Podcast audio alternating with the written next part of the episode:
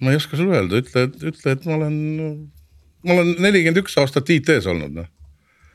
selles mõttes, et ma olen nelikümmend üks aastat ma hakkasin rehkendama, tegelikult eelmine aasta, kui ma kuus, eelmine aasta, kui ma kuuskümmend sain, siis mul oli täpselt nelikümmend täis ähm, ka see IT-s ja ma ei tea, kuidas tehik selle välja nuhkis, aga nad tegid Priit sada tegid peo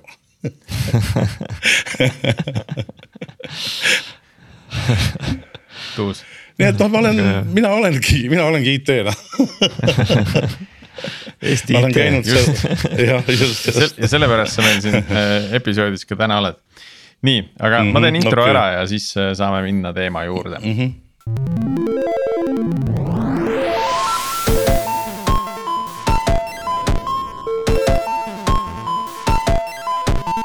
Tere jälle Algorütmi kuulama, eetris on meie saja kolmekümne kuues episood. mina olen Priit Liivak Nortalist ja koos minuga täna salvestamas Martin Kapp Pipedrive'ist. Äh, Martin, sina endiselt puhkusel, Tiit on meil, Tiit on meil tööl ja täna kuskil offside'il. Äh, nii et äh, edu talle, tal on hirmus kahju, et ta ei saa täna meiega olla.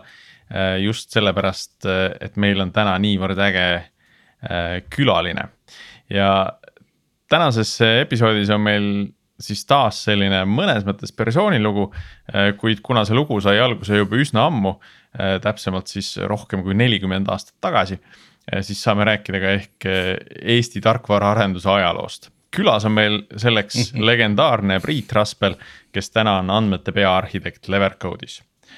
tere, Priit. tere. Nonii, ähm, kuidas siis kuidas siis sinu lugu alguse sai või, et kust sina üldse otsustasid, et äh, hakkaks äh, tarkvaraarendusega tegelema? Just lugesin siin üks päev pealkirja Linnariigist, kes kirjutas, et temal sai alguse sellest, et tal oli õnnestu armastus või oli õnnelik armastus, ma ei mäleta, kuidapidi, ju ta õnnetu oli aga mina olen alati öelnud, et mina olen täiesti juhuslik inimene alal. ma kunagi olin täiesti et see on viimase asi, mis ma tegelema hakkan, millega ma tegelema hakkan, sest mul juhtus sihuke asi, et et ma sattusin noh, sügaval nõukogude ajal, eks ole, aasta oli üheksakümmend kuus, kui sattusin programmeerimist õppima. ja see oli siis Tallinna esimene keskkool ehk täna Gustav Adolfi gümnaasium. ja seal õpetati seda jube vastikult, seal oli iga semester või iga, iga veerand oli omaette õppejõud, õpetas täiesti ise asja, see oli sihuke koogel-moogel, millest ma ei pidanud mitte midagi.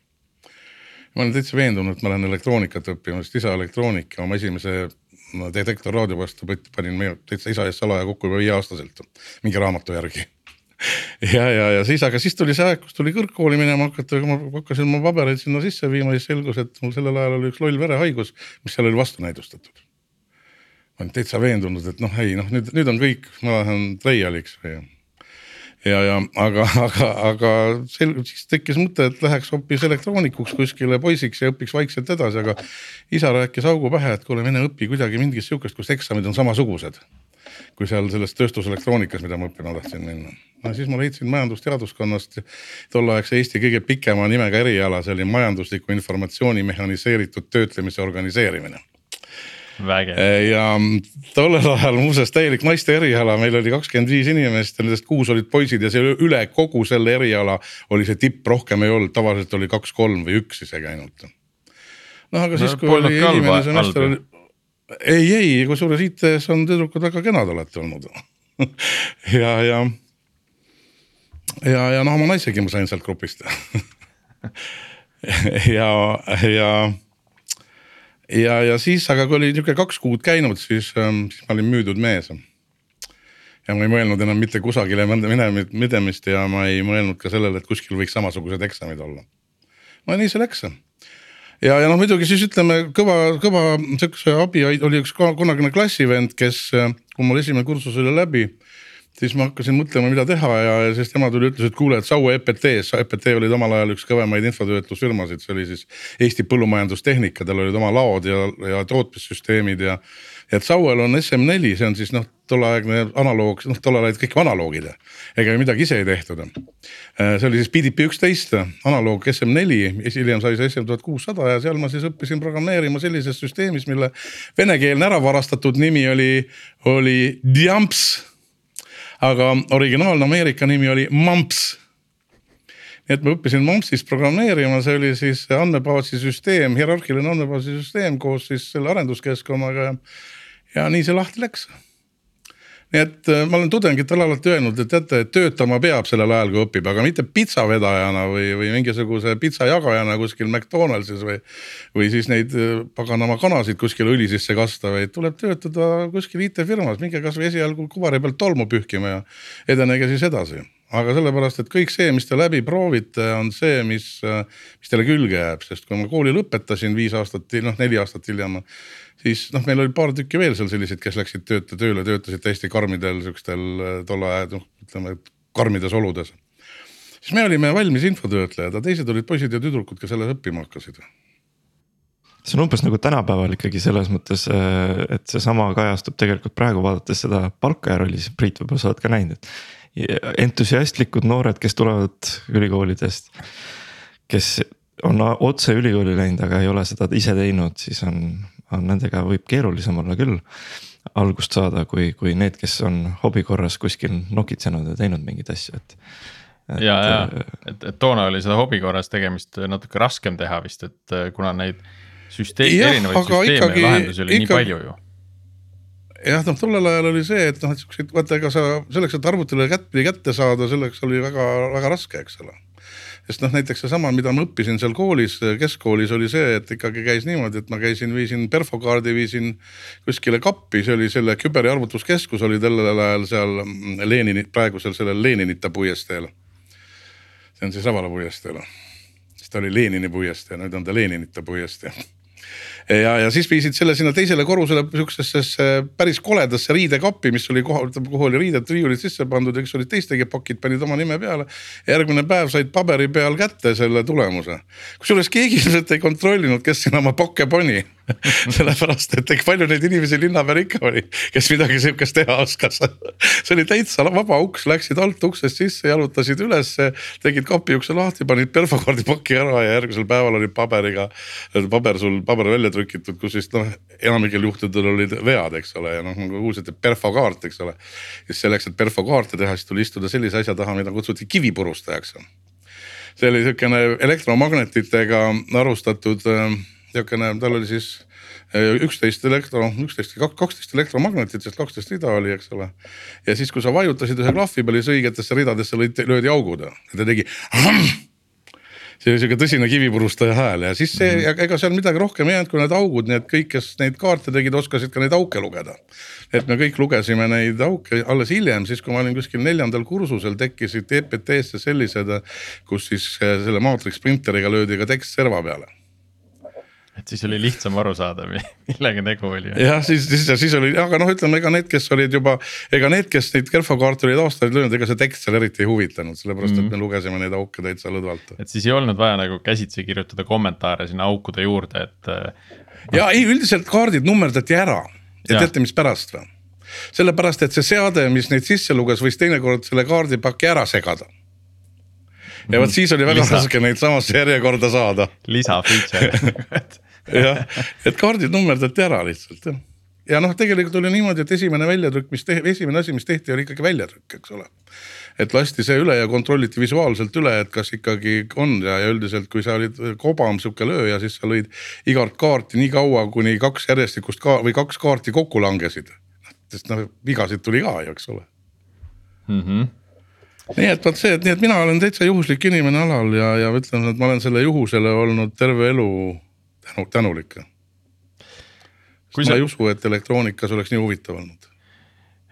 no vot, võib, võib-olla kui sa oleks nelikümmend aastat seal sees olnud, siis äh, sa räägiks teist juttu. võib-olla, võib-olla tõesti, võib-olla tõesti, aga ma, mis mind, mis mind lisaks sellele, et ma noh, ma olen hullumeelne programmeerija olnud ja ja, ja siis ma olen, noh, ma olen igasuguseid asju teinud oma elus, aga mis mulle kõige rohkem selle asja juures meeldib, on see filosoofia.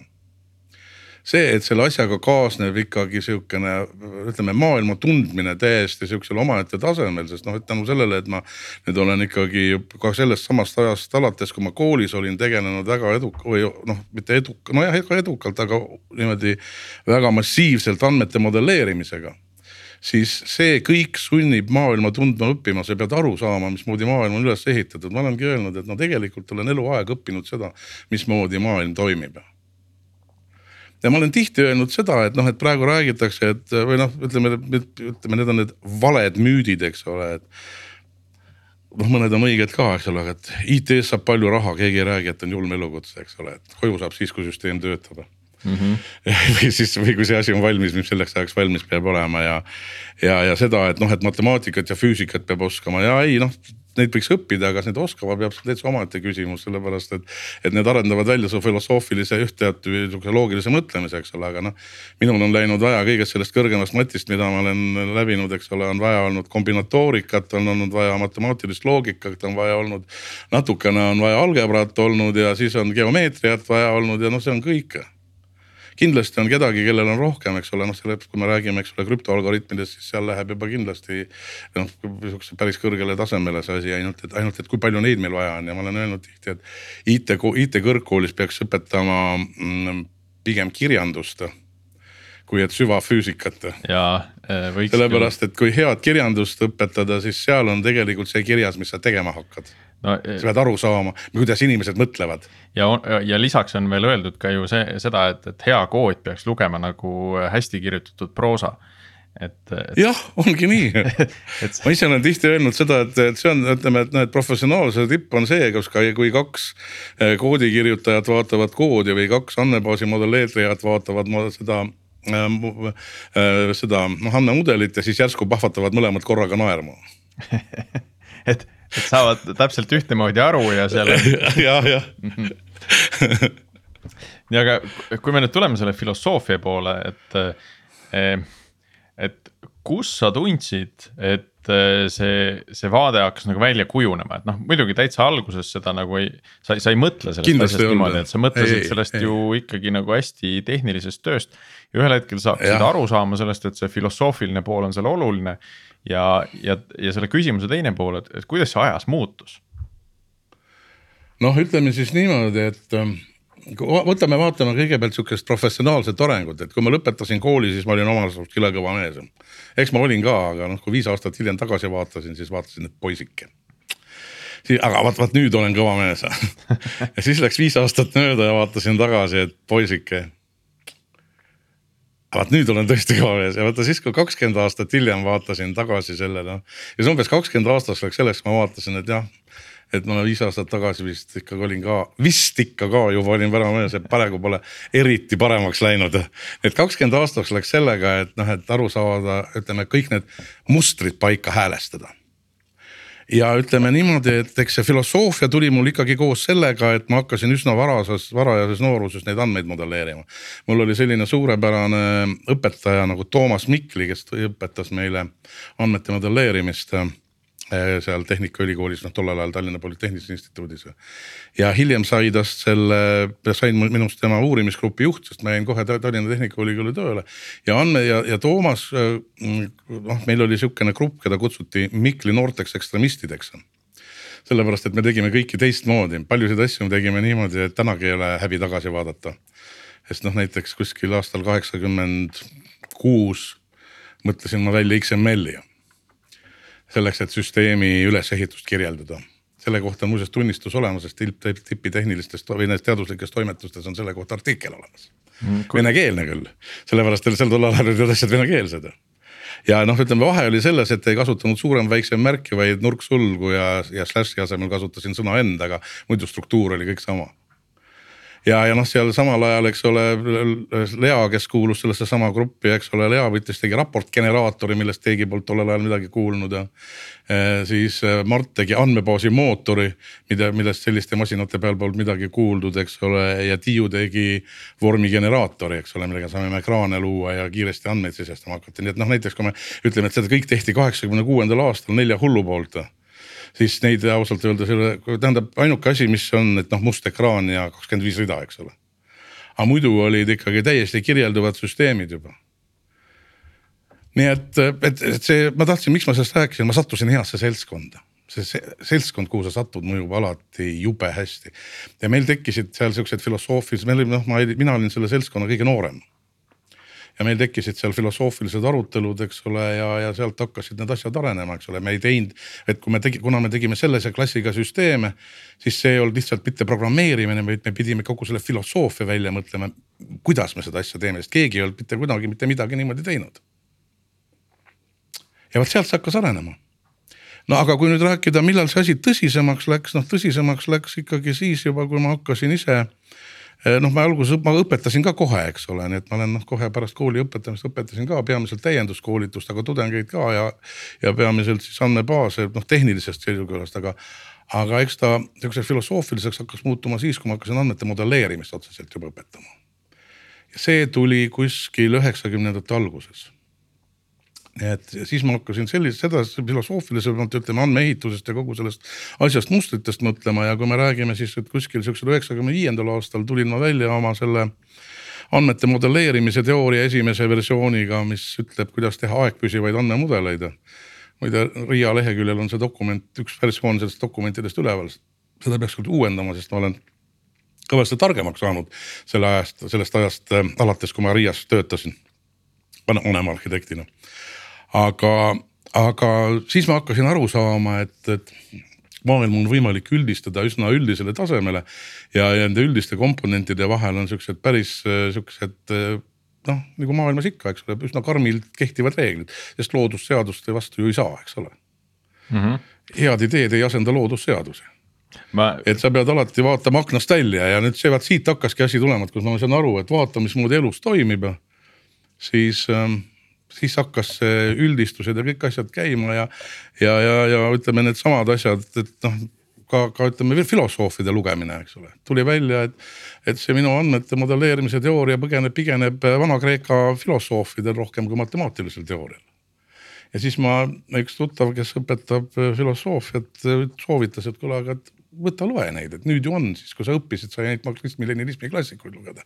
aga võta loe nüüd neid ja siis ma avastasin, et seal on, nad tegelesid umbes samasuguste probleemidega, lihtsalt teistel põhjustel mm. -hmm. et selline ristdistsiplinaarsus on ikkagi nagu äärmiselt oluline, et me siin kirjandusest võib-olla oh, juba rääkisime, eks ole, ja siis nüüd on filosoofia täitsa nagu lisandina veel juures on ju just, noh, aga tegelikult info, infotehnoloogia ongi ju ristdistsiplinaarne, eks ole, me ei ole iseseisvalt ju mitte keegi me asumegi teiste asjade istumiskohtades ja näiteks kui me võtame praegu Tehnikaülikooli, siis seal on selline eriala nagu äh, infosüsteemide analüüs ja kavandamine. siis sinna võetaksegi põhimõtteliselt inimesi, kes on midagi muud juba lõpetanud, kas magistri tasemel või suisa doktoreid käib seal filolooge ja toruteadlased, noh torustikupanijaid, noh ütleme inseneri, torustikuinsenere ja, ja igasuguseid tüüpe. ja, ja kusjuures nemad õpivadki seda asja selleks, et rakendada infotehnoloogiat oma sellel põhierialal ja olla ka ütleme, kuna nad ei ole, nad on analüüs ja kavandamine, eks ole, progejast neist ei saa, eks ole. selleks nad on sellele alale natuke liiga hilja tulnud, see on nagu muusikuks saab ka õppida, eks ole. siis, kui sind lapsest peale klaveri taga piitsutatakse, ma tean, must pidi kunagi muusik, minust pidi tegelikult kunagi muusik, muusik saama lavastati laps, last, mind, mul avastati seal lasteaias äh, absoluutse kuulmise lähedane situatsioon. võib-olla ta oligi mind pandi muusika keskkooli, aga siis ma ühel hetkel sain aru, et see ei ole päris minu jaoks, sest. sest heliloojat must ilmselt ei saa ja seda, mis teised on teinud, ma ei taha eluaega interpreteerida, ma tahaks midagi ise teha. selgus, et noh, see ja tegelikult see muusika ja see infotehnoloogia on jällegi väga lähedased asjad. mul on üsna mitu head sõpra, kes on noh, infotehnoloogiale pühendunud, õppinud muusikuks Mm -hmm. nii et aga ka progemisega on see, et nii et sisuliselt see teeb noh, ütleme niimoodi, et eh, keegi võib saada küll heaks muusikuks, aga ta ei saa kunagi tipp, tähendab üksik, noh üks miljonist võib-olla saab tippmuusikuks, kes hakkab õppima kahekümne, kolmekümne aastaselt muusikat. see on mingi eriline geeni, noh elu on lihtsalt ebaõiglane, noh geenid mängivad ja kui sa nüüd ise natukene pingutad, siis osadel lihtsalt tuleb lihtsamalt ja täpselt sama on see, kui öeldakse, et me teeme siin kolmekümne aastastest inimestest tipp-programmeerijad, unustage ära kui ta, ta saab tippprogrammeerijaks, siis ta on viiekümne aastane.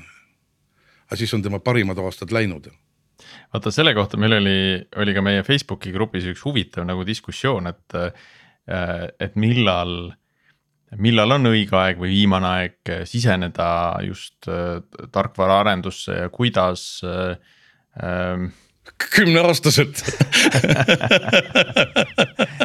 et see, et see, kui äh, noor ülikooli minnes otsustab, et oo, mind see programmeerimine huvitab, et siis on juba natukene hiljaks jäädud. Tegelikult on hiljaks jäänud selle peale, jah, sest vaata, sa ju tead seda, eks oled ju kuulnud seda, eks ole, et kui inimene kasvab huntidega üles, siis ta ei õpi enam kunagi rääkima. noh, Maugli on ju legend, mida ei saa olla. sest ta ei õpi inimestega suhtlema, Tarzan samamoodi, no Tarzan on nagu eriline värk, eks ole ja see tähendab seda, et teatavatel eluetappidel, seal varalises nooruses põimitakse teatrit mälu, mälumustrid valmis. ja see progemine on täpselt sama lugu minu lastel kukkusid, kõigile öelda, räägitakse, et ärge lastel lubage arvutis palju olla, no jah. kui te arvate, et neist ei, kui te tahate neilt konkurentsi ära, ära võtta, siis jah.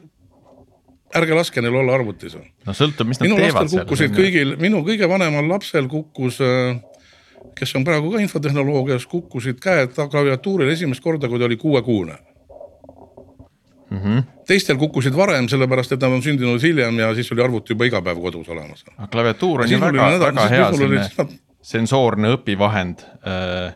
ja, ja näiteks võtame Maci, mul oli, mul oli üks Eesti esimesi kodumäkke. mul oli, vist oli kaheksakümne üheksandal, kaheksandal aastal oli SE kolmkümmend oli kodus ja ma õpetasin lapsed sellega lugema. ma pean täitsa guugeldama, milline see välja näeb tähti, tead, see on see praeahi. üleval see ja kriips all, see klassikaline Maci pilt mm. -hmm. Motorola kuus kaheksa null null null protsessor oli seal ja kümmetolline ekraan ja, ja tal oli helisüntesaator sees ja ma võtsin, seal oli selline süsteem nagu HyperCard. HyperCard oli noh, sihukene asi, et sa said võtta omale joonistada kaardi, teha sinna andmeväljad ja teha omale pinu sellest ja noh, pidada kartoteeki, eks ole ja mina tegin lihtsa ja kuna Macil, eks ole, Mac oli tollel ajal äh, objektorienteeritud arvuti täiesti korrektselt ja näiteks kui ühel programmil oli heliressurss küljes olemas, siis sa võtsid hiirega tõsta selle, võtta, teha copy paste ja tõsta selle teise programmi taha kah ära. Ja mul oli, ma ei mäleta, mis pagana mäng seal oli, millel oli see helisüntesaator olemas, kõnesüntesaator ja ma tõstsin selle HyperCardi taha ja siis võtsin, sidusin selle andmeväljaga ära ja tegin niimoodi, et kui sa klahvi peale vajutad, siis öeldi seda tähte, aga kuna see oli ingliskeelne, siis ma pidin kohutavalt mängima, et mis täht, tähte seal tegelikult öeldakse, eks ole. sest kui sa selle, kui ta nüüd välja kirjutas, noh näiteks ma võtsin, korjasin nüüd Macist, internetti ju polnud, kõikidest nendest programmidest pildid kokku. Need olid ka ressursid ju, need ma sain ka kopida ilusti, need iga kaardi peal oli üks pilt ja siis oli sinna kirjutatud, mismoodi seda kirjutatakse. no piip näiteks ja nüüd, kui see Kaarel lõi sinna põh, siis ta ütles põh. ma tegin siukseid kombinatsioone, mille peale noh tulid see ja, nüüd, kui ta sai õige sõna kokku, ütles, et okei okay, siis ta ütles talle, pidi talle piip ütlema, muidugi mina pidin taustal kirjutama Peep, et ta mm -hmm. piip ütleks, eks ole. aga lisaks oli veel see, et kui sa kirjutasid näiteks sinna tere, tere, vana kere, siis ta ütles tšir, tšir, vana kjer Mm -hmm. aga kui sa kirjutasid tehreh, tehreh, vah, noh, kehreh iga täishääriku järele H-tähe, siis ta ütles tere, tere, vana kere ja siis pärast seda, kui kõik läks õigesti, siis ütles tubli Kaarel ja tead kaks päeva ja kõik tähed olid selged ja mitte ainult tähed, vaid ka sõnad. sa tegid sellise korraliku Frankenstein äpi, et äh, sa kahe päevaga saadi kõik tähed ja sõnad selgeks ja kui kaua sul selle mhm. asja kokkutõstmiseks kulus? No see läks kodus mitu päeva ikka jah, sellepärast et noh, et see, ütleme selle kaardi tegemine oli lihtne, eks ole, ma tegin kaardi, üks väli, sidusin kõnesüntesaatoriga ära, siis tegin, noh no see võttis natuke aega, et ma otsisin neid tähekombinatsioone, mis õige heli välja annavad, eks ole. Et kui ta E vajutab, et siis E tõesti tuleks või kui ta R vajutab, et siis midagi sarnast tuleks. Ja, ja, ja, ja, ja see ja, ja ma arvan, et üks nädalakene ma mürasin sellega kindlasti sest ega ma seda ju täistööna teinud, ma pidin midagi asjalikku ka tegema sellel asjal. noh, eks mitte, et see asjalik ei oleks olnud. aga see, vaata asi on see, et see on mäng. see on mäng lihtsalt, eks ole. ja, ja see on, miks ma rääkisin mustrite, mustritest, ma ei tea, kas teie sihukest mängu nagu Pusher teate? no kui sa kirjeldad, siis võib-olla. Pusher on sihuke labürint, kus on kastid ja pead sa nad, pead nad välja lükkama, nii et sa neid nurka ja. kinni ei lükka.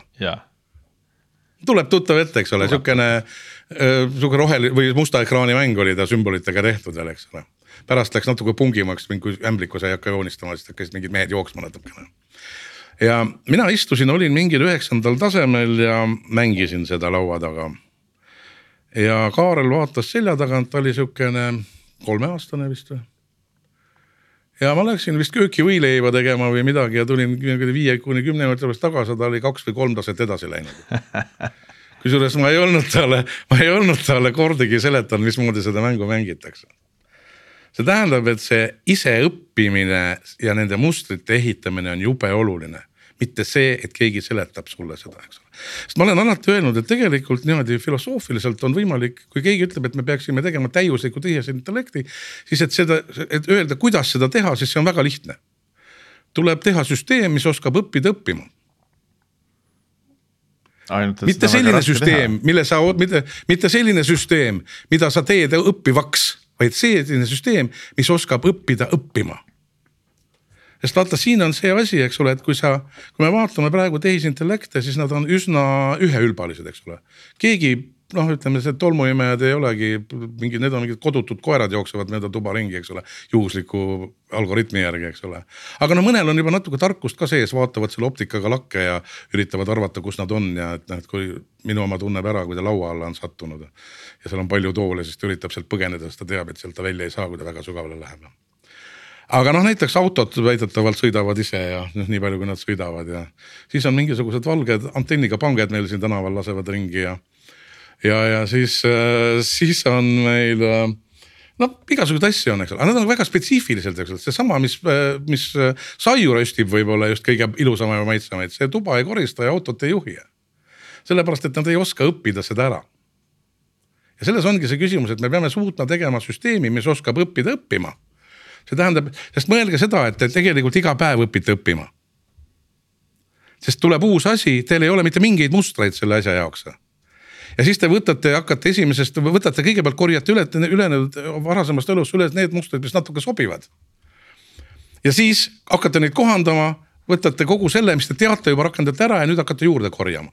aga selleks, et seda juurde korjata, selleks peate te välja tootma uue meetodi selle uue ala, aine all hõlvamiseks see võib olla täiesti, see võib olla küll mingi vana mustriga kasutatav, aga see ei pruugi selline olla. aga sellist, kas, kas meil sellist tehisintellekti vaja on, vaata see. jaa, see on omaette küsimus sellepärast et vaadake, inimene on jumalat mitu korda tapnud, eks ole. Vaevalt, et sellele tehisintellektiltki paremad mõtted pähe tulevad, igal juhul, kui me talle, kui me temaga teeme, siis me ei tohi talle anda teosteid. aga siit on jällegi küsimus, et kas me saame enda sarnaseks, me ei saa teda muud moodi, kui me peame ta panema enda sarnase keha sisse sest ühel kandilisel asjal, millel on tangidega käed siuksed, ei teki kuidagi mitte mingisuguseid samasuguseid ja ei ole nahka, mis tunneb, kui sulle, tähendab, mis, mis, mis tunneb, kui talle molli antakse see on oluline õppimiseks. mitte kunagi saada samasuguseid emotsioone ja kogemust, eks ole. see, see sensoorne pool kogu sellest äh, intellektist on ju hoopis teistsugune, kas ja. või mida. jah, just ja kui sa võtad nüüd need robootika kolm seadust, eks ole, siis noh, see ju tegelikult äh, algusest peale ja kõik noh, kõik räägivad sellest kolmest seadusest, muidugi nendest ei pea mitte keegi, eks ole. aga noh, kui me sellest lähtume, siis ega ei, nendest lähtudes ei olegi võimalik teha inimese sarnast. et sinna on juba sisse kirjutatud see, kuidas öelda, vastuolulisuse.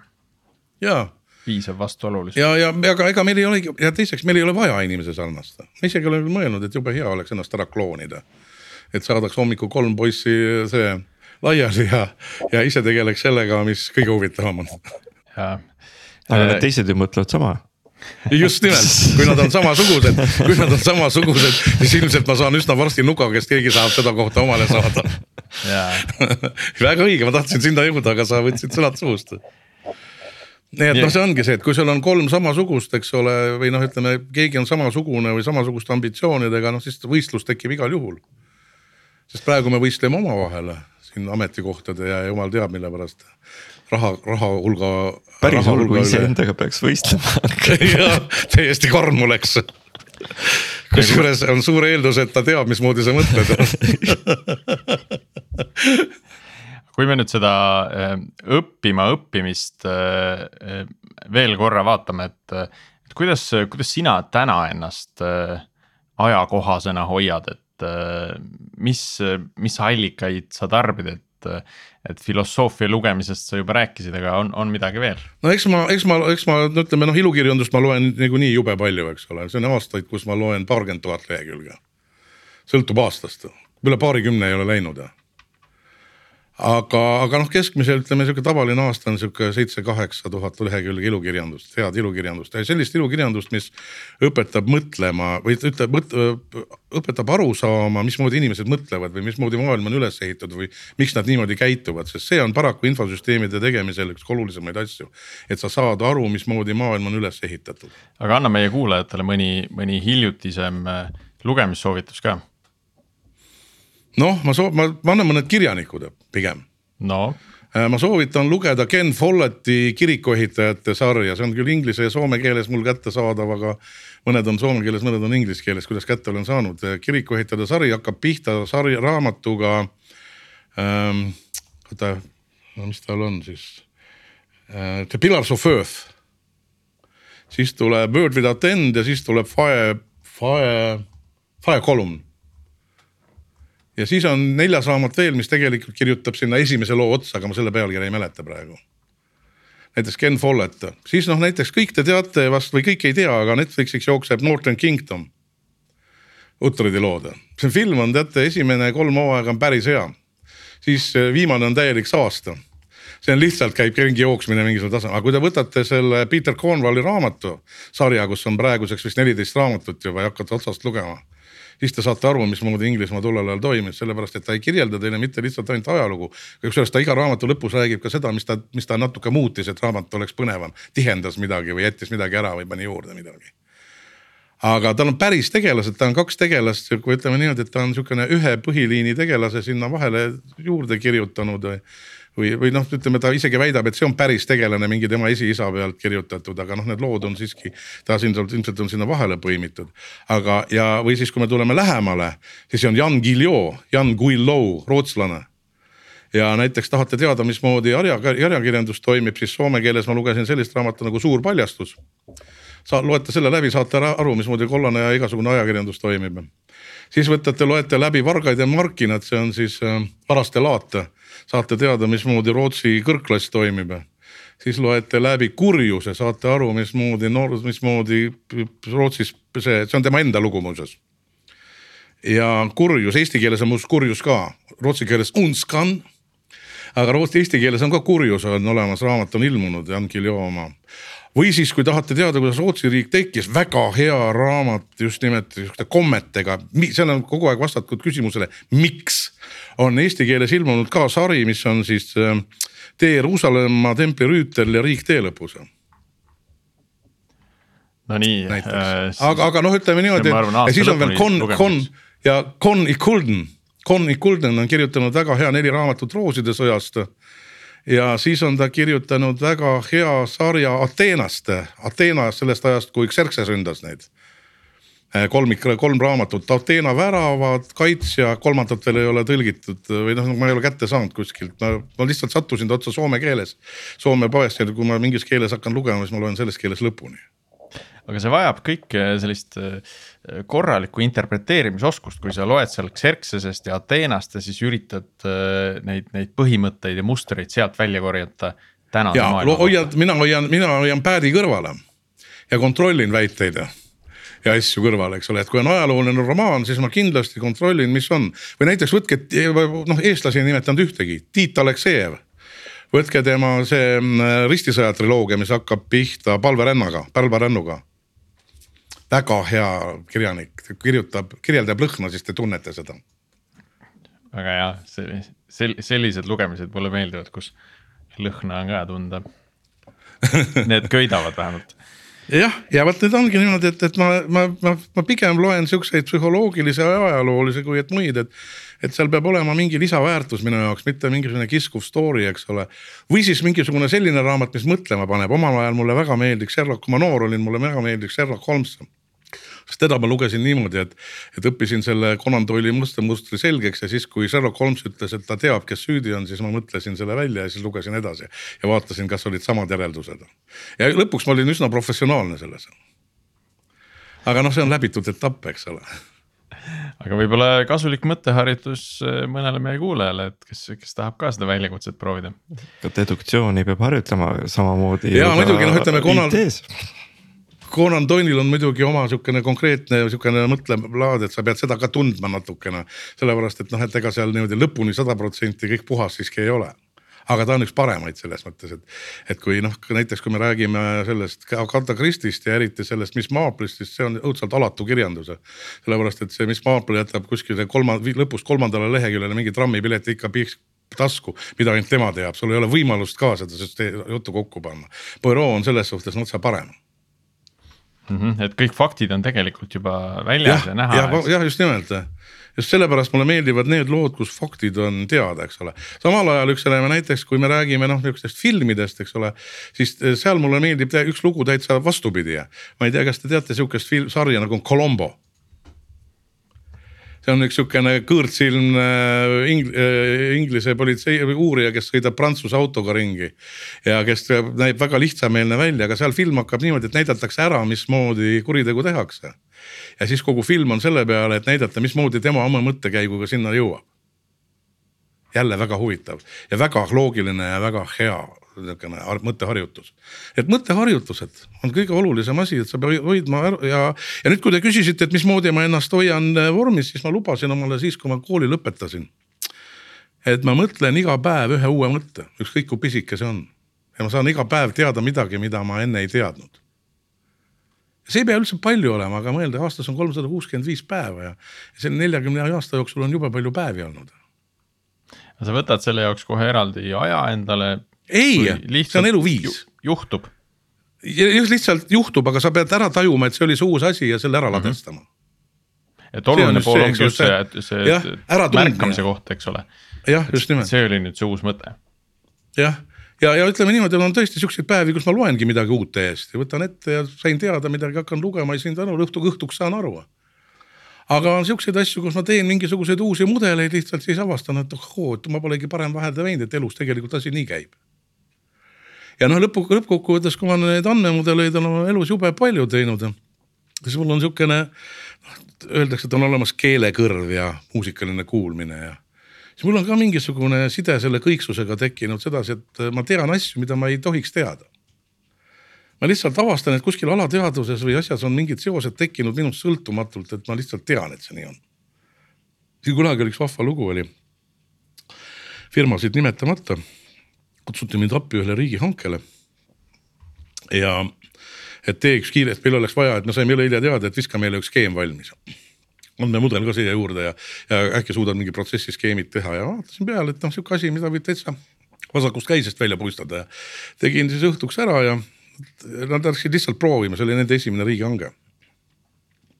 ja võitsidki ära ja siis öeldi mulle, et noh, et kuna sa nüüd sellega juba tegelesid, et kuule, et äkki sa tuledki meile, et me maksame sulle selle eest nüüd rohkem raha juba, et teedki need andmemudelid valmis ja kõik. Ja mõtlesin, et pagan aega mul palju ei ole, olgu, läksin koju, joonistasin järgmiseks õhtuks valmis ja siis nad ütlesid mulle, et, et kuule, et nüüd sa tegid küll ilmastatud tööd, me pole uuringutega alustanud, et nad ei saa ju selle raha eest sulle maksta, mis sa kulutasid nüüd ja. ma ütlesin, et ega ma aja eest ei tahagi, et ma tahan mudeli eest raha saada et mõelge ise, et palju selline mudel maksta võiks, ei no sedasi, ma ütlesin, et aga teeme nüüd diili, et et võtke see mudel aluseks uuringule ja kui midagi on teisiti, siis saate tasuta, aga et kui ei ole teisiti, siis sa maksate topelt. Nad ütlesid, et nii head diili pole kunagi keegi teinud, ma arvan samamoodi, mul oli õigus see, see on Seda... Äh, päris julge ettepanek oli sinu poolt. no aga ma olin, tead inimene peab olema enesekindel, on inimesed, kes ütleb, et ma pidin olema enesekindlus kuubis. tegelikult nad eksivad see on ainult ruudus. siis jah, ma ütlen ainult ruudus jah, ei noh, see tähendab seda, et tegelikult kogu see arendustöö või ütleme, kogu see modelleerimine on ikkagi võitlus ja kõhklus, kõhklus iseendas, eks ole. sa ei tee head mudelit, kui sa ei kõhkle ja ütleme noh, tegelikult mismoodi ma teen mudeleid, on see, et ma võtan, võtan, teen ta nii-öelda valmis. Noh, kui saab öelda, et on valmis, mõne asja kohta saab öelda ka, aga ma teen ta valmis. valmis on see, et sul on eesmärk ja sa oled seal täitnud, eks ole. sellepärast, et sellest eesmärgist edasi on midagi veel, siis ma jätan ta seisma mõneks hetkeks, kasvõi, kasvõi kolmeks-neljaks päevaks. Ja siis lähen otsast peale uuesti külge ja siis on mõned mõtted täiesti teistsugused ja sa hakkad mõtlema, miks ma siin nii tegin, sest sa oled juba noh, kuna see dokument oli ka üsna pikk, siis need, mis alguses on tekkinud, on nihkunud juba kuskile kaugemale. ja sa nämmutad nagu täiesti sihukest pooltoorest asja, poolt uut asja ja teed selle uuesti üle ja nüüd alles hakkab, hakkab sarnanema see asi sellega, eks ole aga noh, mis puutub valmis tegemistesse, eks ole, siis öeldakse, et ühtegi infosüsteemi valmis pole võimalik teha, on küll, mina olen üsna mitu tema elus valmis teinud. Näiteks üks süsteem, mis käis tükk aega ja pärast seda ma ei pannud sinna kätki külge, oli üüriarvestussüsteem, mis Eestis mitmes kohas töötas ma lihtsalt müüsin neile ja nad tahtsid hoolduslepingut teha, mina ütlesin, et ma ei viitsi hooldada, sellepärast et seda ei ole vaja hooldada. ja käiski. sa ei tahtnud isegi lepingut teha, saad sellest. ei tahtnud, sellepärast ma tahtsin uusi asju teha, muidu helistavad äkki veel mm. -hmm et äkki leiab. niimoodi ja siis, ja siis ma tegin kunagi nõukogude ajal ma tegin palgaarvestussüsteemi ja see oli aasta mingi kaheksakümmend kuus, eks ole. Ja siis, kui aasta oli kaks tuhat kaks, siis oli juba, eks ole, noh Eesti Vabariik ja seadused muutunud, siis helistati mulle ja öeldi, et kuulge, meil on siin teie palgaarvestussüsteem, et meil firma nimi muutus, me ei oska seda ära muuta mm. -hmm. ma ütlesin, ma ei ole ühtegi palgaarvestussüsteemi müünud, ei mäletate, kaheksakümne üheksandal aastal te müüsite meile selle. ma ütlesin, kuulge vennad, jätke järele, et seal on must ekraan, toss, kakskümmend viis rida, kaheksakümmend sümbolit ja, ja, et kuidas seda käivitate aga meil on emulaator, sellega paneme, et me ei taha uut süsteemi, et sellel, seal ei ole vigu, et teised kogu aeg kurdavad, et neil on vead. aga see teeb kõik, mis vaja on, ütlesin, et kuulge, aga vahepeal sai see nõukogude aeg, kas ühtegi. ei, ei, et need asjad olid kõik olemas, et me defineerisime ringi, kõik see süsteem oli väga hästi häälestuv ja. ja vaata, siin ongi see, eks ole, et, et noh, ütleme siuksed asjad muidugi noh, ütleme iga päev ei õnnestu, eks ole aga, aga noh, näiteks andmemudeleid ma suudan küll selliseid teha, mis ei muutu nüüd on kõik vaatavad, tavaliselt need teised äh, arhitektid hakkavad selle peale sellel hetkel, kui mina ei märka üksteisele otsa vaatama ja meelekohta hõõruma, eks ole ja mina, mina küsiks siinkohal vaata ühe filosoofilise küsimuse, et ma, mida ma tahtsin juba enne puudutada. et kui sa ütlesid, et kõike on võimalik modelleerida hästi üldiselt. nüüd, et kuhu ja kuidas sa tõmbad selle piiri, et, et mitte minna liiga üldiseks ära, et noh, me ei saa ju kirjeldada asju. ei saa, ei saa jah. objekt üks ja objekt kaks on ju, et noh, et kuskil ei, peab ei, see. loomulikult sellepärast, et suvaline andmemudel on võimalik, suvaline andmemudel on või andmebaas on võimalik teha kaheksa tabeliga, eks ole. just. aga seda, selle peale löövad programmeerijad su maha. esialgu annavad peksa ja kui sa sellist asja veel teed, siis löövad maha aga, aga noh, ütleme niimoodi, et eks siin on see sisetundmise küsimus, aga ütleme siis niimoodi, et kuhu ma olen selle sättinud, et, et üldistusel on kaks taset esiteks on see, et maailmas ei ole mitte midagi peale subjektide, objektide, sündmuste ja seoste. mitte midagi nii. muud maailmas olemas ei ole. no aga ainult nendega pead... andmemudelit teha ei saa et.... ei, nii, aga nüüd on järg-, see on see first level, eks ole nüüd see teine tase on see, et nüüd sa pead leidma kõik objektid, kõik subjektid, kõik sündmused ja kõik seosed. sinu mudelit puudutavad, eks ole, niimoodi nüüd ja nüüd, kui sa oled need leidnud, nüüd, nüüd tuleb kolmas tase. nüüd sa pead otsustama, millised objektid on nii sarnased, et sa võid nad kokku panna üheks millised sündmused on nii sarnased, sa võid nad kokku panna üheks. millised subjektid, noh subjektidega probleem üldiselt on isik tavaliselt. subjekt on see, kes otsustab oma käitumist ise, laborirott ei ole subjekt, on objekt. ta ei otsusta oma käitumist ise, eks ole. koer mingil määral on, sõltub süsteemist, eks ole ja sündmused ja seosed, millised sündmused ja vot see ongi see, et sa pead leidma nüüd õige taseme, eks ole. et sa suudad nad kokku panna ja nüüd, mis on see, mis ütleb, millised sa võid kokku panna. seal on kaks asja. tähendab, ükski ei ole täpne, eks ole, aga üks on see, et ütleb, et tal on enam-vähem samasugused atribuudid. enam-vähem. ja ta käitub samasuguste reeglite alusel aga mitte enam-vähem samasuguste reeglite alusel. ja, ja ütleme enam-vähem jah ütleme, see täpselt oli vale sõna jah, enam-vähem samasuguste reeglite alusel. nüüd on kaks asja, mis sa pead tegema, sa pead tegema selle et, et, et ähm, realiseerima ära selle, see on juba rakendus või lahendus või rakenduskihi ülesanne, kuigi modelleerimise tasemel tuleb ka see sisse viia.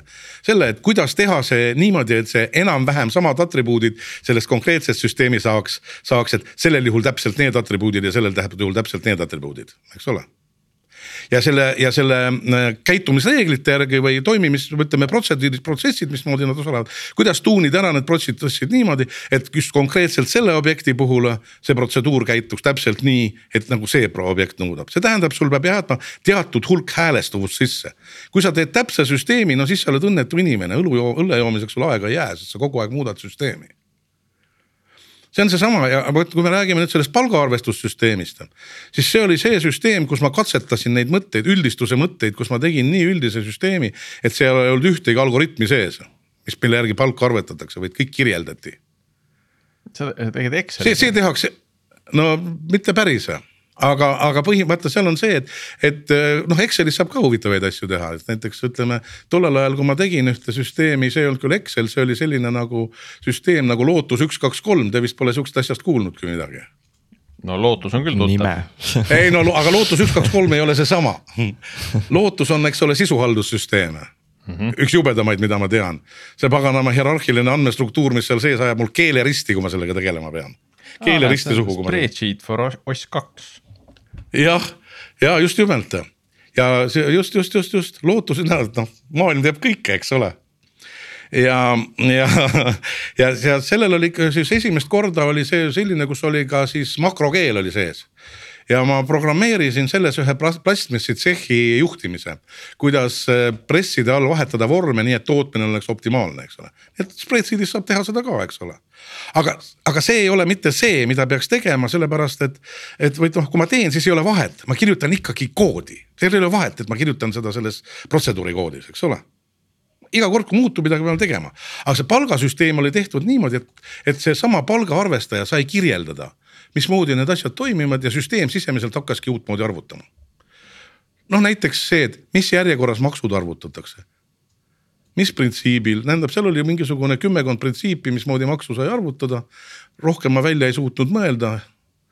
ja selgus, et sellest piisas ja nüüd sa said öelda, et vot see, see, see asi arvutatakse kõigepealt, siit võetakse see maks maha, siit võetakse, see maks arvutatakse selle alusel, see selle alusel, see tehakse töötundide alusel. see tehakse tükilehtede alusel, see tähendab, et tükilehed seoti sellega ära, sellega teisega seoti töötundide arvestus ära, eks ole, kogu see värk, eks ole ja selle pealt nemad said kõike, kõike ümber konfida, nii nagu. jah, nad said kõike absoluutselt kõike ümber kirjeldada, muidugi sihuke süsteem on jube keeruline, eks ole ja võib-olla ütleme noh, ütleme, ütleme saja tuhande inimesega firmas palga arvutamiseks ei kõlba, sellepärast et ta on ka aeglane, kuna ta on interpreteeriv, eks ole.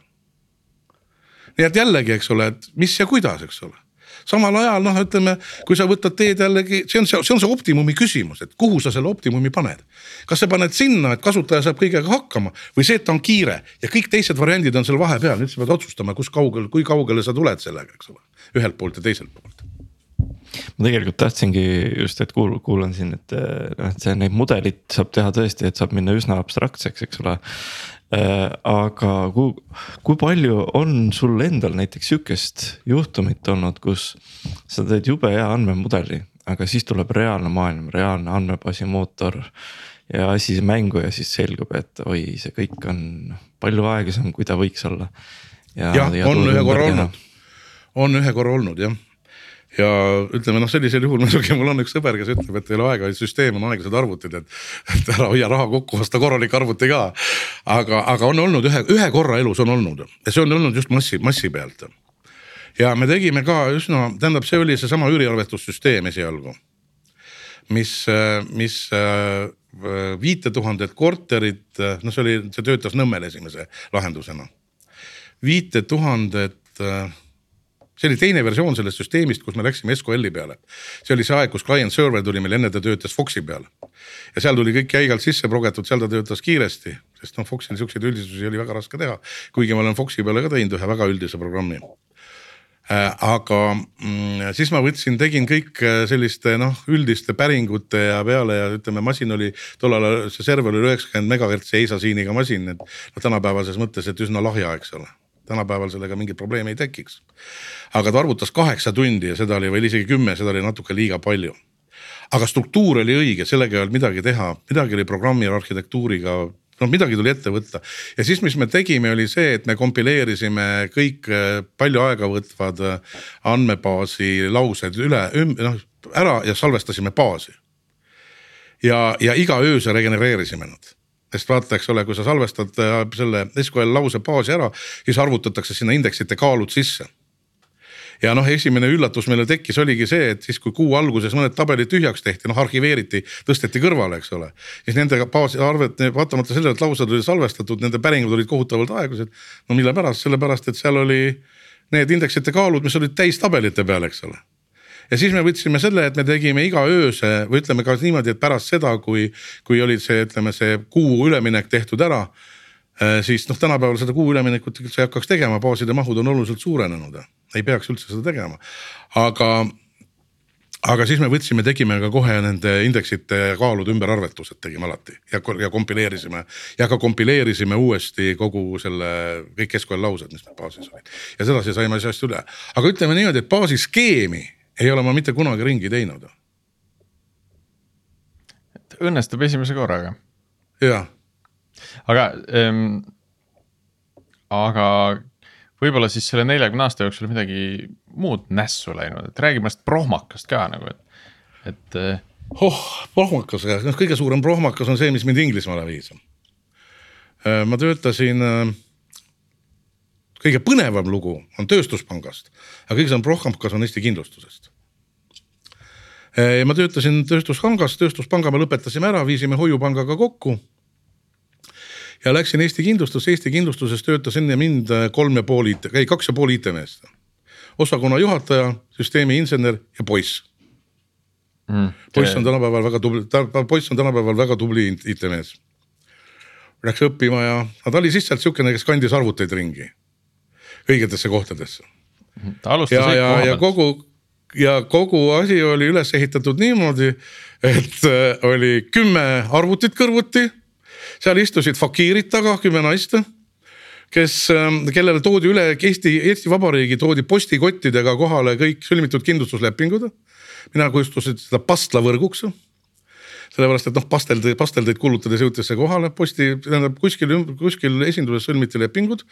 siis pandi need postikotti, siis saadeti need keskele ja siis need naised võtsid selle paberi niimoodi ette.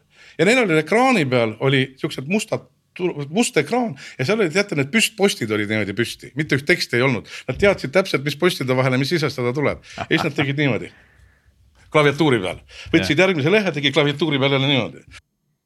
Ja viisid neid sisse, eks ole, siis me otsustasime, et see asi peab normaalseks minema, no mul oli sealtsamast tööstuspangast, ma võtsin juba kolm meest kaasa. see oli see minu löögirusikas ja me otsustasime, et esimene asi, mis on, me võtame, teeme selle ära, et kõikidesse kindlustusesindustesse lähevad arvutid ja normaalsed dialoogid tekivad ja iga agent sisestab oma lepingud ise ja vastutab selle eest, mis seal on. ja läbi kanalite jooksevad siis andmed keskele. noh nüüd see muidugi see võrk oli ka meil sihuke, see oli koaksiaalvõrk, kui te olete sihukese asjaga kokku puutunud. kui ei ole, siis olete õnnelikud. see tähendab, iga hommiku tuli kogu kontor läbi käia ja vaadata, kust, kust koristaja lapiga oli tõmmanud juhtme otsa välja. sest muidu ju võrk ei tööta, kui mingi, mingi pistik on kuskilt väljas, eks ole. no esimese hooga lasime siis selle, vahetasime võrgukaardid ära ja lasime sinna korraliku selle keerupaari võrgu peale ja. ja samal ajal taustal ise progesime hirmsa hooga seda kontorisüsteemi ja ja, ja, ja, ja siis avastasime, et pagan, et back-up'e ka ei tehta. ja siis me hakkasime back-up'i hirmsasti tegema, aga tead siit hakkabki nüüd asi luhku. tol noh aasta oli siis mingisugune, mis ta võis olla, üheksakümmend kaks, kolm, üheksakümmend kolm, neli, üheksakümmend kolm, neli noh, pangad tegid back-up'e, ega neil need ka ei õnnestunud, aga need käisid ka aeg-ajalt oma kätestega Inglismaal Tallinna Pangal oli siin üks vahvamaid lugusid enne seda, kui mina nendega kokku puutusin, aga noh, mina sain sellest teada niimoodi, et, et nemad aitasid mind leida selle koha, kus sellest asjast üle saab. ja juhtus siis lugu selline, et tegime neid back-up'e küll, aga samal ajal firma juhtkond otsustas, et kontoris tuleb remonti hakata tegema ja no me ei suutnud ühtegi kohta päris selle tolmuvaba hoida, sest serveri ruumi ka ju ei olnud, seda hakati ka alles, selle ma ka planeerisin ja hakati ehitama alles. ja siis ühel päeval ja me, me viisime, ma tegime kõikidele äh, serveritele panime uusi, noh kõiki servereid viisime teise uude serverisse üle, kus juba vähemasti olid mirror'id peal. ja noh, see lokaalsed lindiseadmed, et me saime noh sealt teha niimoodi.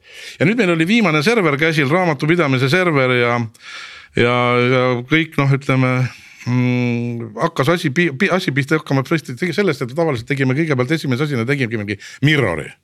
Ära, et meil oleks topeltkoopia, eks ole. Ja vaatasin asi, kas läks käima, poiss hakkas tegema, siis ma läksin kella kaheteist ajal koju, kella kahe ajal helistab Raivo, ütleb, et kuule, et Eerik kõnnib ühest koridori otsast teise ja tahab, mõtleb, et kumma otsa aknast alla hüppab, sest mirror'i tegemise käigus see põhivint jäi seisma. ja noh, et back-up tead, back-up see ei loe, et see on tolmune ai, tähendab, olin, olin äh, miinus kolmekümne, miinus kolmekümne sekundiga olin ma üleval. ja, ja kuna ma elasin hotell Tallinna juures ja see oli Musumäe juures, siis ma olin ka viie minuti pärast kohal juba. Autoga ja siis me hakkasime mõtlema, mis teha, eks ole, et kõigepealt vaatasime, et noh, et kas õnnestub ketas käima loksutada, ei lootustki ja siis ma helistasin erinevatest kohtadesse sõpradele ja Tallinna Panga sõbrad ütlesid, et ega sul muud üle ei jää, kui sõita Inglismaale.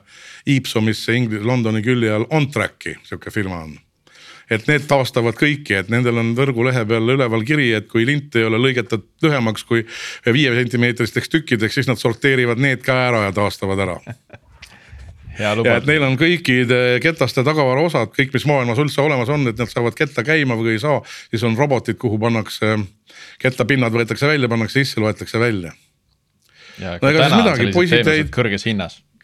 jah ja siis ma võtsin kätte ja poisid hakkasid siis võrku taastama, sest seal Ketta serva peal oli ka Novelli indeks server oli seal.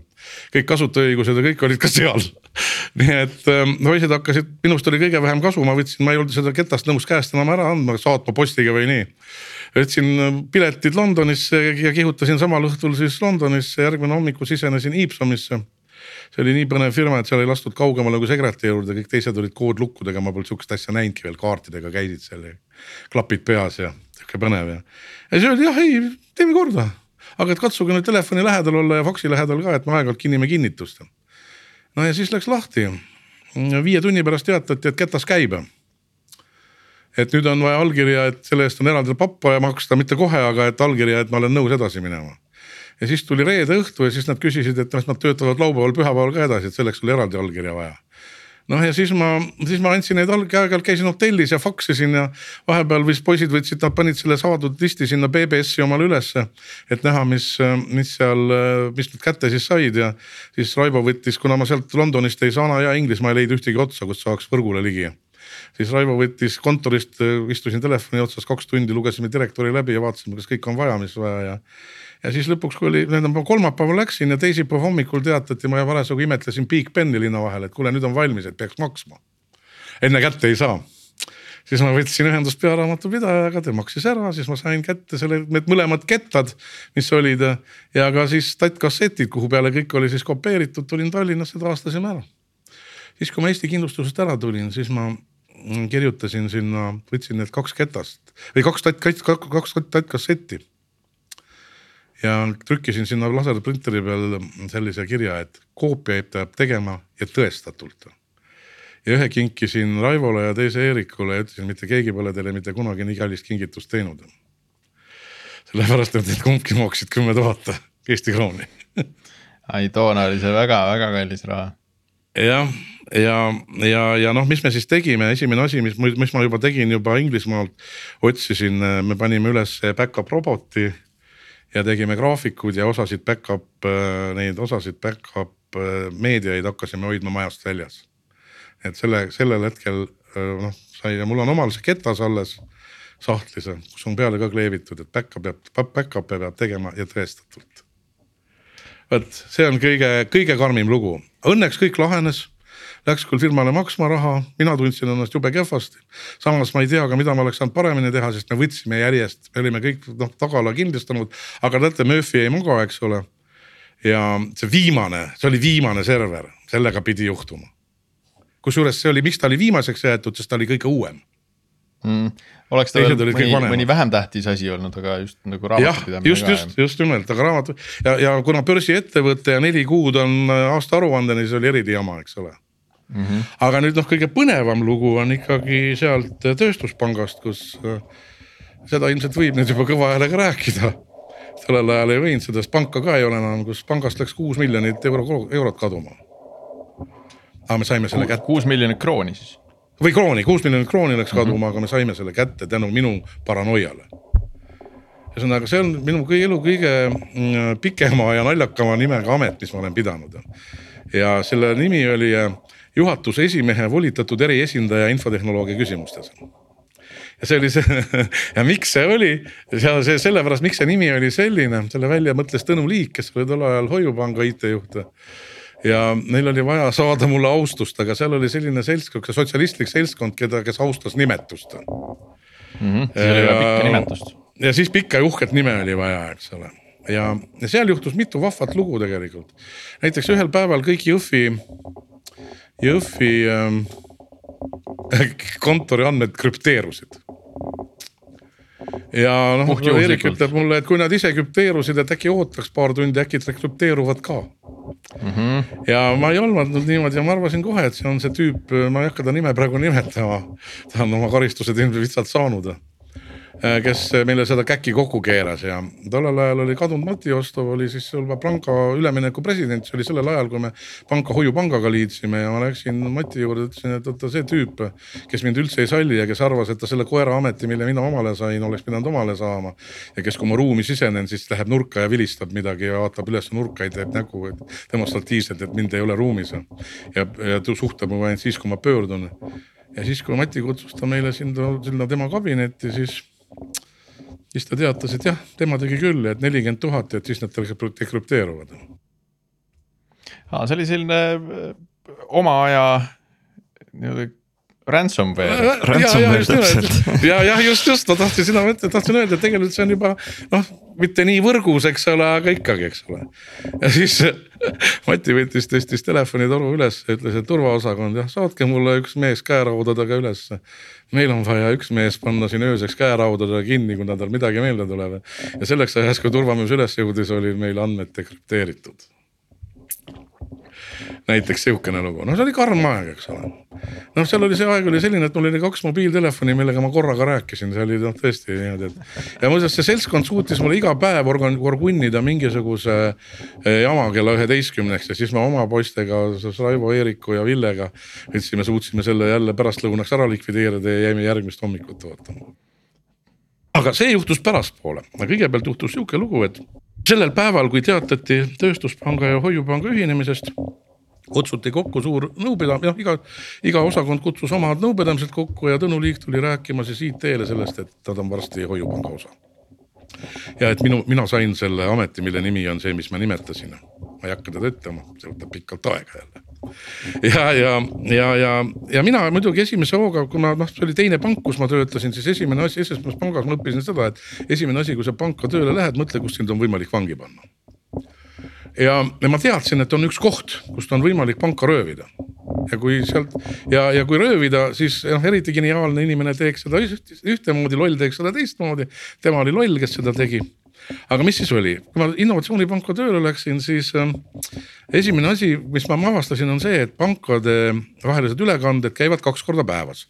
umbes niimoodi kümnest üheteistkümneni umbes kolmest neljani no sellest läbi modemi ühendusseanss võeti pangaga väga primitiivne oli, kontrollsumma fail oli XOR-iga lihtsalt tehtud ja kogu lugu, eks ole. Ja, ja nüüd oli niimoodi, et hommikul üksteist läksid need ülekanded, mis meie pangas tehtud oli siis eelmise päeva seansist kuni kella üheteistkümneni ja tulid need, mis teistel olid tehtud samal ajal või hommikusel, eks ole. Ja siis, kui see õhtune oli, siis meie saatsime ära need, mis olid teinud, tehtud siis sellel päevasel ajal ja saime need, mis teised olid enne saatnud meile noh, eelmise seanssiga, eks ole niimoodi ja vaata selle faili, kui see fail nüüd ära rikkuda, siis sellega saaks juba igasuguseid nalju teha, eks ole. niimoodi ja siis me tegin, siis ma esimene asi, mis me tegime, oli ütlesin Raivole, kes mul sinna tuli kohe paremaks käeks. et nüüd meil on esimene asi on see, et me teeme nii, meil oli veel see novelli, novelli võrguserver oli seal, kas siukest, sihuke asi on me, mälus? novell oli, praegu on ta, eks ole, Linux, eks ole, mingisugune aga Novell oli tollel ajal oli maailma parim võrgusüsteem, serveri võrgusüsteem. ja teeme Novelli serveri selle serveriga niimoodi, et, et kui see fail tekib, siis mitte keegi sellel ajal, kui see fail seal selles direktoris on, kus ta seisab, kus ta automaatselt ära saadetakse. sellele direktori ligi ei saa ja niipea kui keegi sinna pöördub, niipea kustutatakse see fail ära. kannisime, mis me kannisime, tehtud saime ja asi oli rahuli majas, protsess käis niimoodi ja ma teadsin, et seal pangas on ka see selline asi aga et ma ei jõua midagi nii kiiresti teha ja mis ma siis tegin. ma tegin niimoodi, et ma võtsin esimese hooga, võtsin, panin oma poisid, võtsin peasüssad minni arvuti taha. lasin tal kõigil IT-lastel õigused ära võtta kõike ära tühistada, siis panin oma poisid arvuti taha ja need hakkasid siis kõigile õigusi uuesti andma ja sellele kohale ei antud kohe mitte õhtul istusin ma seal üleval raamatukogus ja rääkisin pearaamatupidaja Irinaga juttu. istus, mina istusin lauaserva peal ja ajasime niisama loba juttu ja Irina tegi lahti kontrollsummade faili, mis tuli hommikusest ülekandest tagasi õhtusega. ja tegi paigalt hüppe istest pooleteist meetri kõrgusele sellepärast et siis tähendab need summad, mismoodi olid jaganud summad pankade vahel oli teine kui see, mis hommikul välja läks. sina said, sina said äh, nii-öelda book'i ja kohe tuli mingi jama majja. ja oot, oot, oot, see on, ma räägin, mismoodi see käis, ma räägin, mismoodi see käis. see vend sai aru, ta oli seda arvuti teinud umbes aasta katsetanud. saime pärast uurimise käigus teada, kes see ka oli. aga ta oli umbes aasta katsetanud, ta sai aru, et, et see on viimane hetk seda teha ja ta tõusis püsti ja läks sealt koosolekult minema ja tegi selle asja, see oli täpselt sellel ajal, et tal õnnestus see asi ära teha. ja mismoodi see asi käis, pärast ma räägin pärast, kuidas me seda teada saime, aga see käis nii, et see oli Foxi fail ja Foxi failil oli võimalik teha selline käsk nagu browse. Fox oli, eks ole, andmebaasi süsteem, eks ole, Fox Pro Fox mm. -hmm. ja see DBF, noh DBF, eks ole sisuliselt ja kui sa tegid browsi, siis sul tõmmati see tabel lahti ja nüüd sa said kirjutada sinna mingi mak- makro taha ja ta oli sinna kirjutanud selle, et kui ta klikkis ühte rida, mis ta oli välja valinud, siis see tehti mingisugusele teisele kontole. Ja siis, kui ta vajutas F10, F10, siis kirjutati uus fail ja tehti uus XOR ka, eks ole, sest tal ei olnud mingi salatus, kuidas see XOR sinna tehti, see kontrollfail, eks ole. ja nüüd see fail läks minema, aga tal oli tehtud ka teine programm, millega ta õhtul vahetab selle tagasi tuleva kontrollsummade faili välja vana vastu. aga kuna tal õigus enam ei olnud, siis ta ei saanud seda teha. et saa aru, see minu paranoia andis meile selle, et me saime teada, et sihuke asi juhtus. sellepärast, et muidu nad ei oleksid saanud seda asja, noh selle raha välja võtta, sest vaata nüüd see asi läks hommikuse ülekandega läks ta sinna keskpanka. ja nüüd mm -hmm. Rakvere Maapanka läks ta alles õhtuse kandega ja pangad olid tollel päeval neljast kinni, internetipanka ei olnud ja, ja makseautomaati ka ei olnud oli küll ainult tööstuspangal ja Keila pangal, kellelgi teisel ei olnud niimoodi ja nüüd, nüüd, nüüd oli niimoodi, et kuna me nägime, et mis see oli, siis esimene asi, ma tõmba-, tormasin turvapealiku juurde, lasin kupatada kogu IT stuff'i sealt välja, kõik pidid arvutid lahti jätma. ja minu poisid läksid, tegid selle kontonumbriga päringu ja tal kuramusel oli kõik ilusti ühte zipp-klimpi ära pakitud password'iga. aga ühte faili oli see kontonumber lahti jäänud. ja me leidsime selle arvuti ülesse Need, kes olid välja aetud, olid ühte ruumi kinni pandud, et nad ära jookseks käed keerati käed selja taha, viidi minema, me võtsime selle arvuti, tegime sellest arvuti kettast manukate juuresolekul koopiad, üks läks, noh originaal jäi seifi. Tähendab see või tegelikult on mitte seda ei teinud samal õhtul, vaid samal päeval pandi see lihtsalt, pitseeriti rahakotti kinni ja pandi pangaseifi ära, järgmine päev manukate juuresolekul. võtsime välja, tegime koopia sellele IT-tiimile, meile, Tallinna Tehnikaülikooli uurimistiimile, noh originaal jäi alles, eks ole ja mul kontor oli seal, kontor oli seal Koplis sealt, kus see su- suur ristmik on enne Kopli, enne Koplit, vaata kus seal mingid restoranid ja poed ja on. seal oli, seal on üks imeliku värvi maja, ülemisel korrusel oli meil kontor täitsa omaette ja mõtlesin, et okei okay,, murrame lahti. panime siis, installeerisime klastri ja, ja me Raivoga otsustasime, et me tegime suitsu, et enne kui käima laseme võtame, lähme teeme ühe suitsu veel ja siis täie mõnuga. tuleme tagasi, Eerik vaatab otsa, ütleb poisid, palun andeks, ma lasin käima. Password on kognakka. et sõnastikust üsna algusest väikeste tähtedega kognakka. Raivo mõtleb, mõtleb, et kuradi madal profiil, ma oleks vähemalt Mercedes pannud ja suure tähega no ja seal olid siis kõik need asjad olemas, sellepärast me teame seda ja sealt me avastasime ka seda, et, et eh, üks, üks müsteerium sai äh, lahendatud. me selle kohaliku IT-tiimi, hooldustiimiga rääkisime, ütles, et oli üks pool aastat tagasi oli üks jama, kus keegi ei saanud aru, miks üks euro läks valesse kohta, valesse panka. väike test. ilmselt siis proovis, ilmselt test oli jah. ja ühesõnaga, kuna nüüd raha oli kinni teises pangas, siis teisele pangale tehti reklamatsioon, sealt kanti raha tagasi, kõik jätkus samamoodi. nii et noh, tasub olla ettevaatlik tasub olla ettevaatlik ja ja, teha, teha ära oma back-up'id. ja back-up'id tuleb ära teha kindlasti, aga noh, ütleme turvalisus, turvalisus, turvalisus, eks ole selle, selle, see paranoia, noh, et see, läheb ju, te ise teate, see läheb ju päevast päeva läheb hullemaks. ja, ja see oli teema juba Sai seda- siis ja, ja endiselt Jah. on teema täna. jah, ja noh, siis oli ikkagi, eks ole, see man in middle, eks ole. ja see mm -hmm. oli, eks ole in-house, noh tänapäeval man in middle istub kurat teab kus kohas. ja, ja riskid on, riskid on kõrgemad ja riskid on kõrgemad, eks ole jah, just nimelt. Ja, ja noh, ütleme mingisugust sihukest ööpäevast armuaega sulle ei anta, nagu tollel ajal oli, eks ole, et täna hommiku, homme hommiku, lõunal, päeval, eks ole, kõik käib ju laks-lakse, välkmaksed ja nii et, et, et noh, üldiselt on see huvitav. ja no ütleme siukseid, ütleme siukseid lugusid, mis noh huvitav kuulata ja rääkida omalgi tagantjärele uuesti läbi mõelda. tegelikult siin päris palju.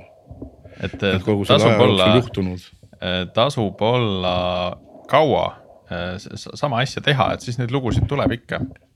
ja, ja tegelikult on niimoodi, mis ma sulle rääkisin ka või teile rääkisin ka seda, eks ole, et, et millal see oli esimest korda, kui ma vaatasin, et ei ole enam poisik, eks ole, et kakskümmend aastat läks mööda et mõelge sellele endale paganama haridustehnoloogide juttudele, kes räägivad, oh ei meeldi, õpite ringi Te ei saa mitte kunagi mitte kellekski.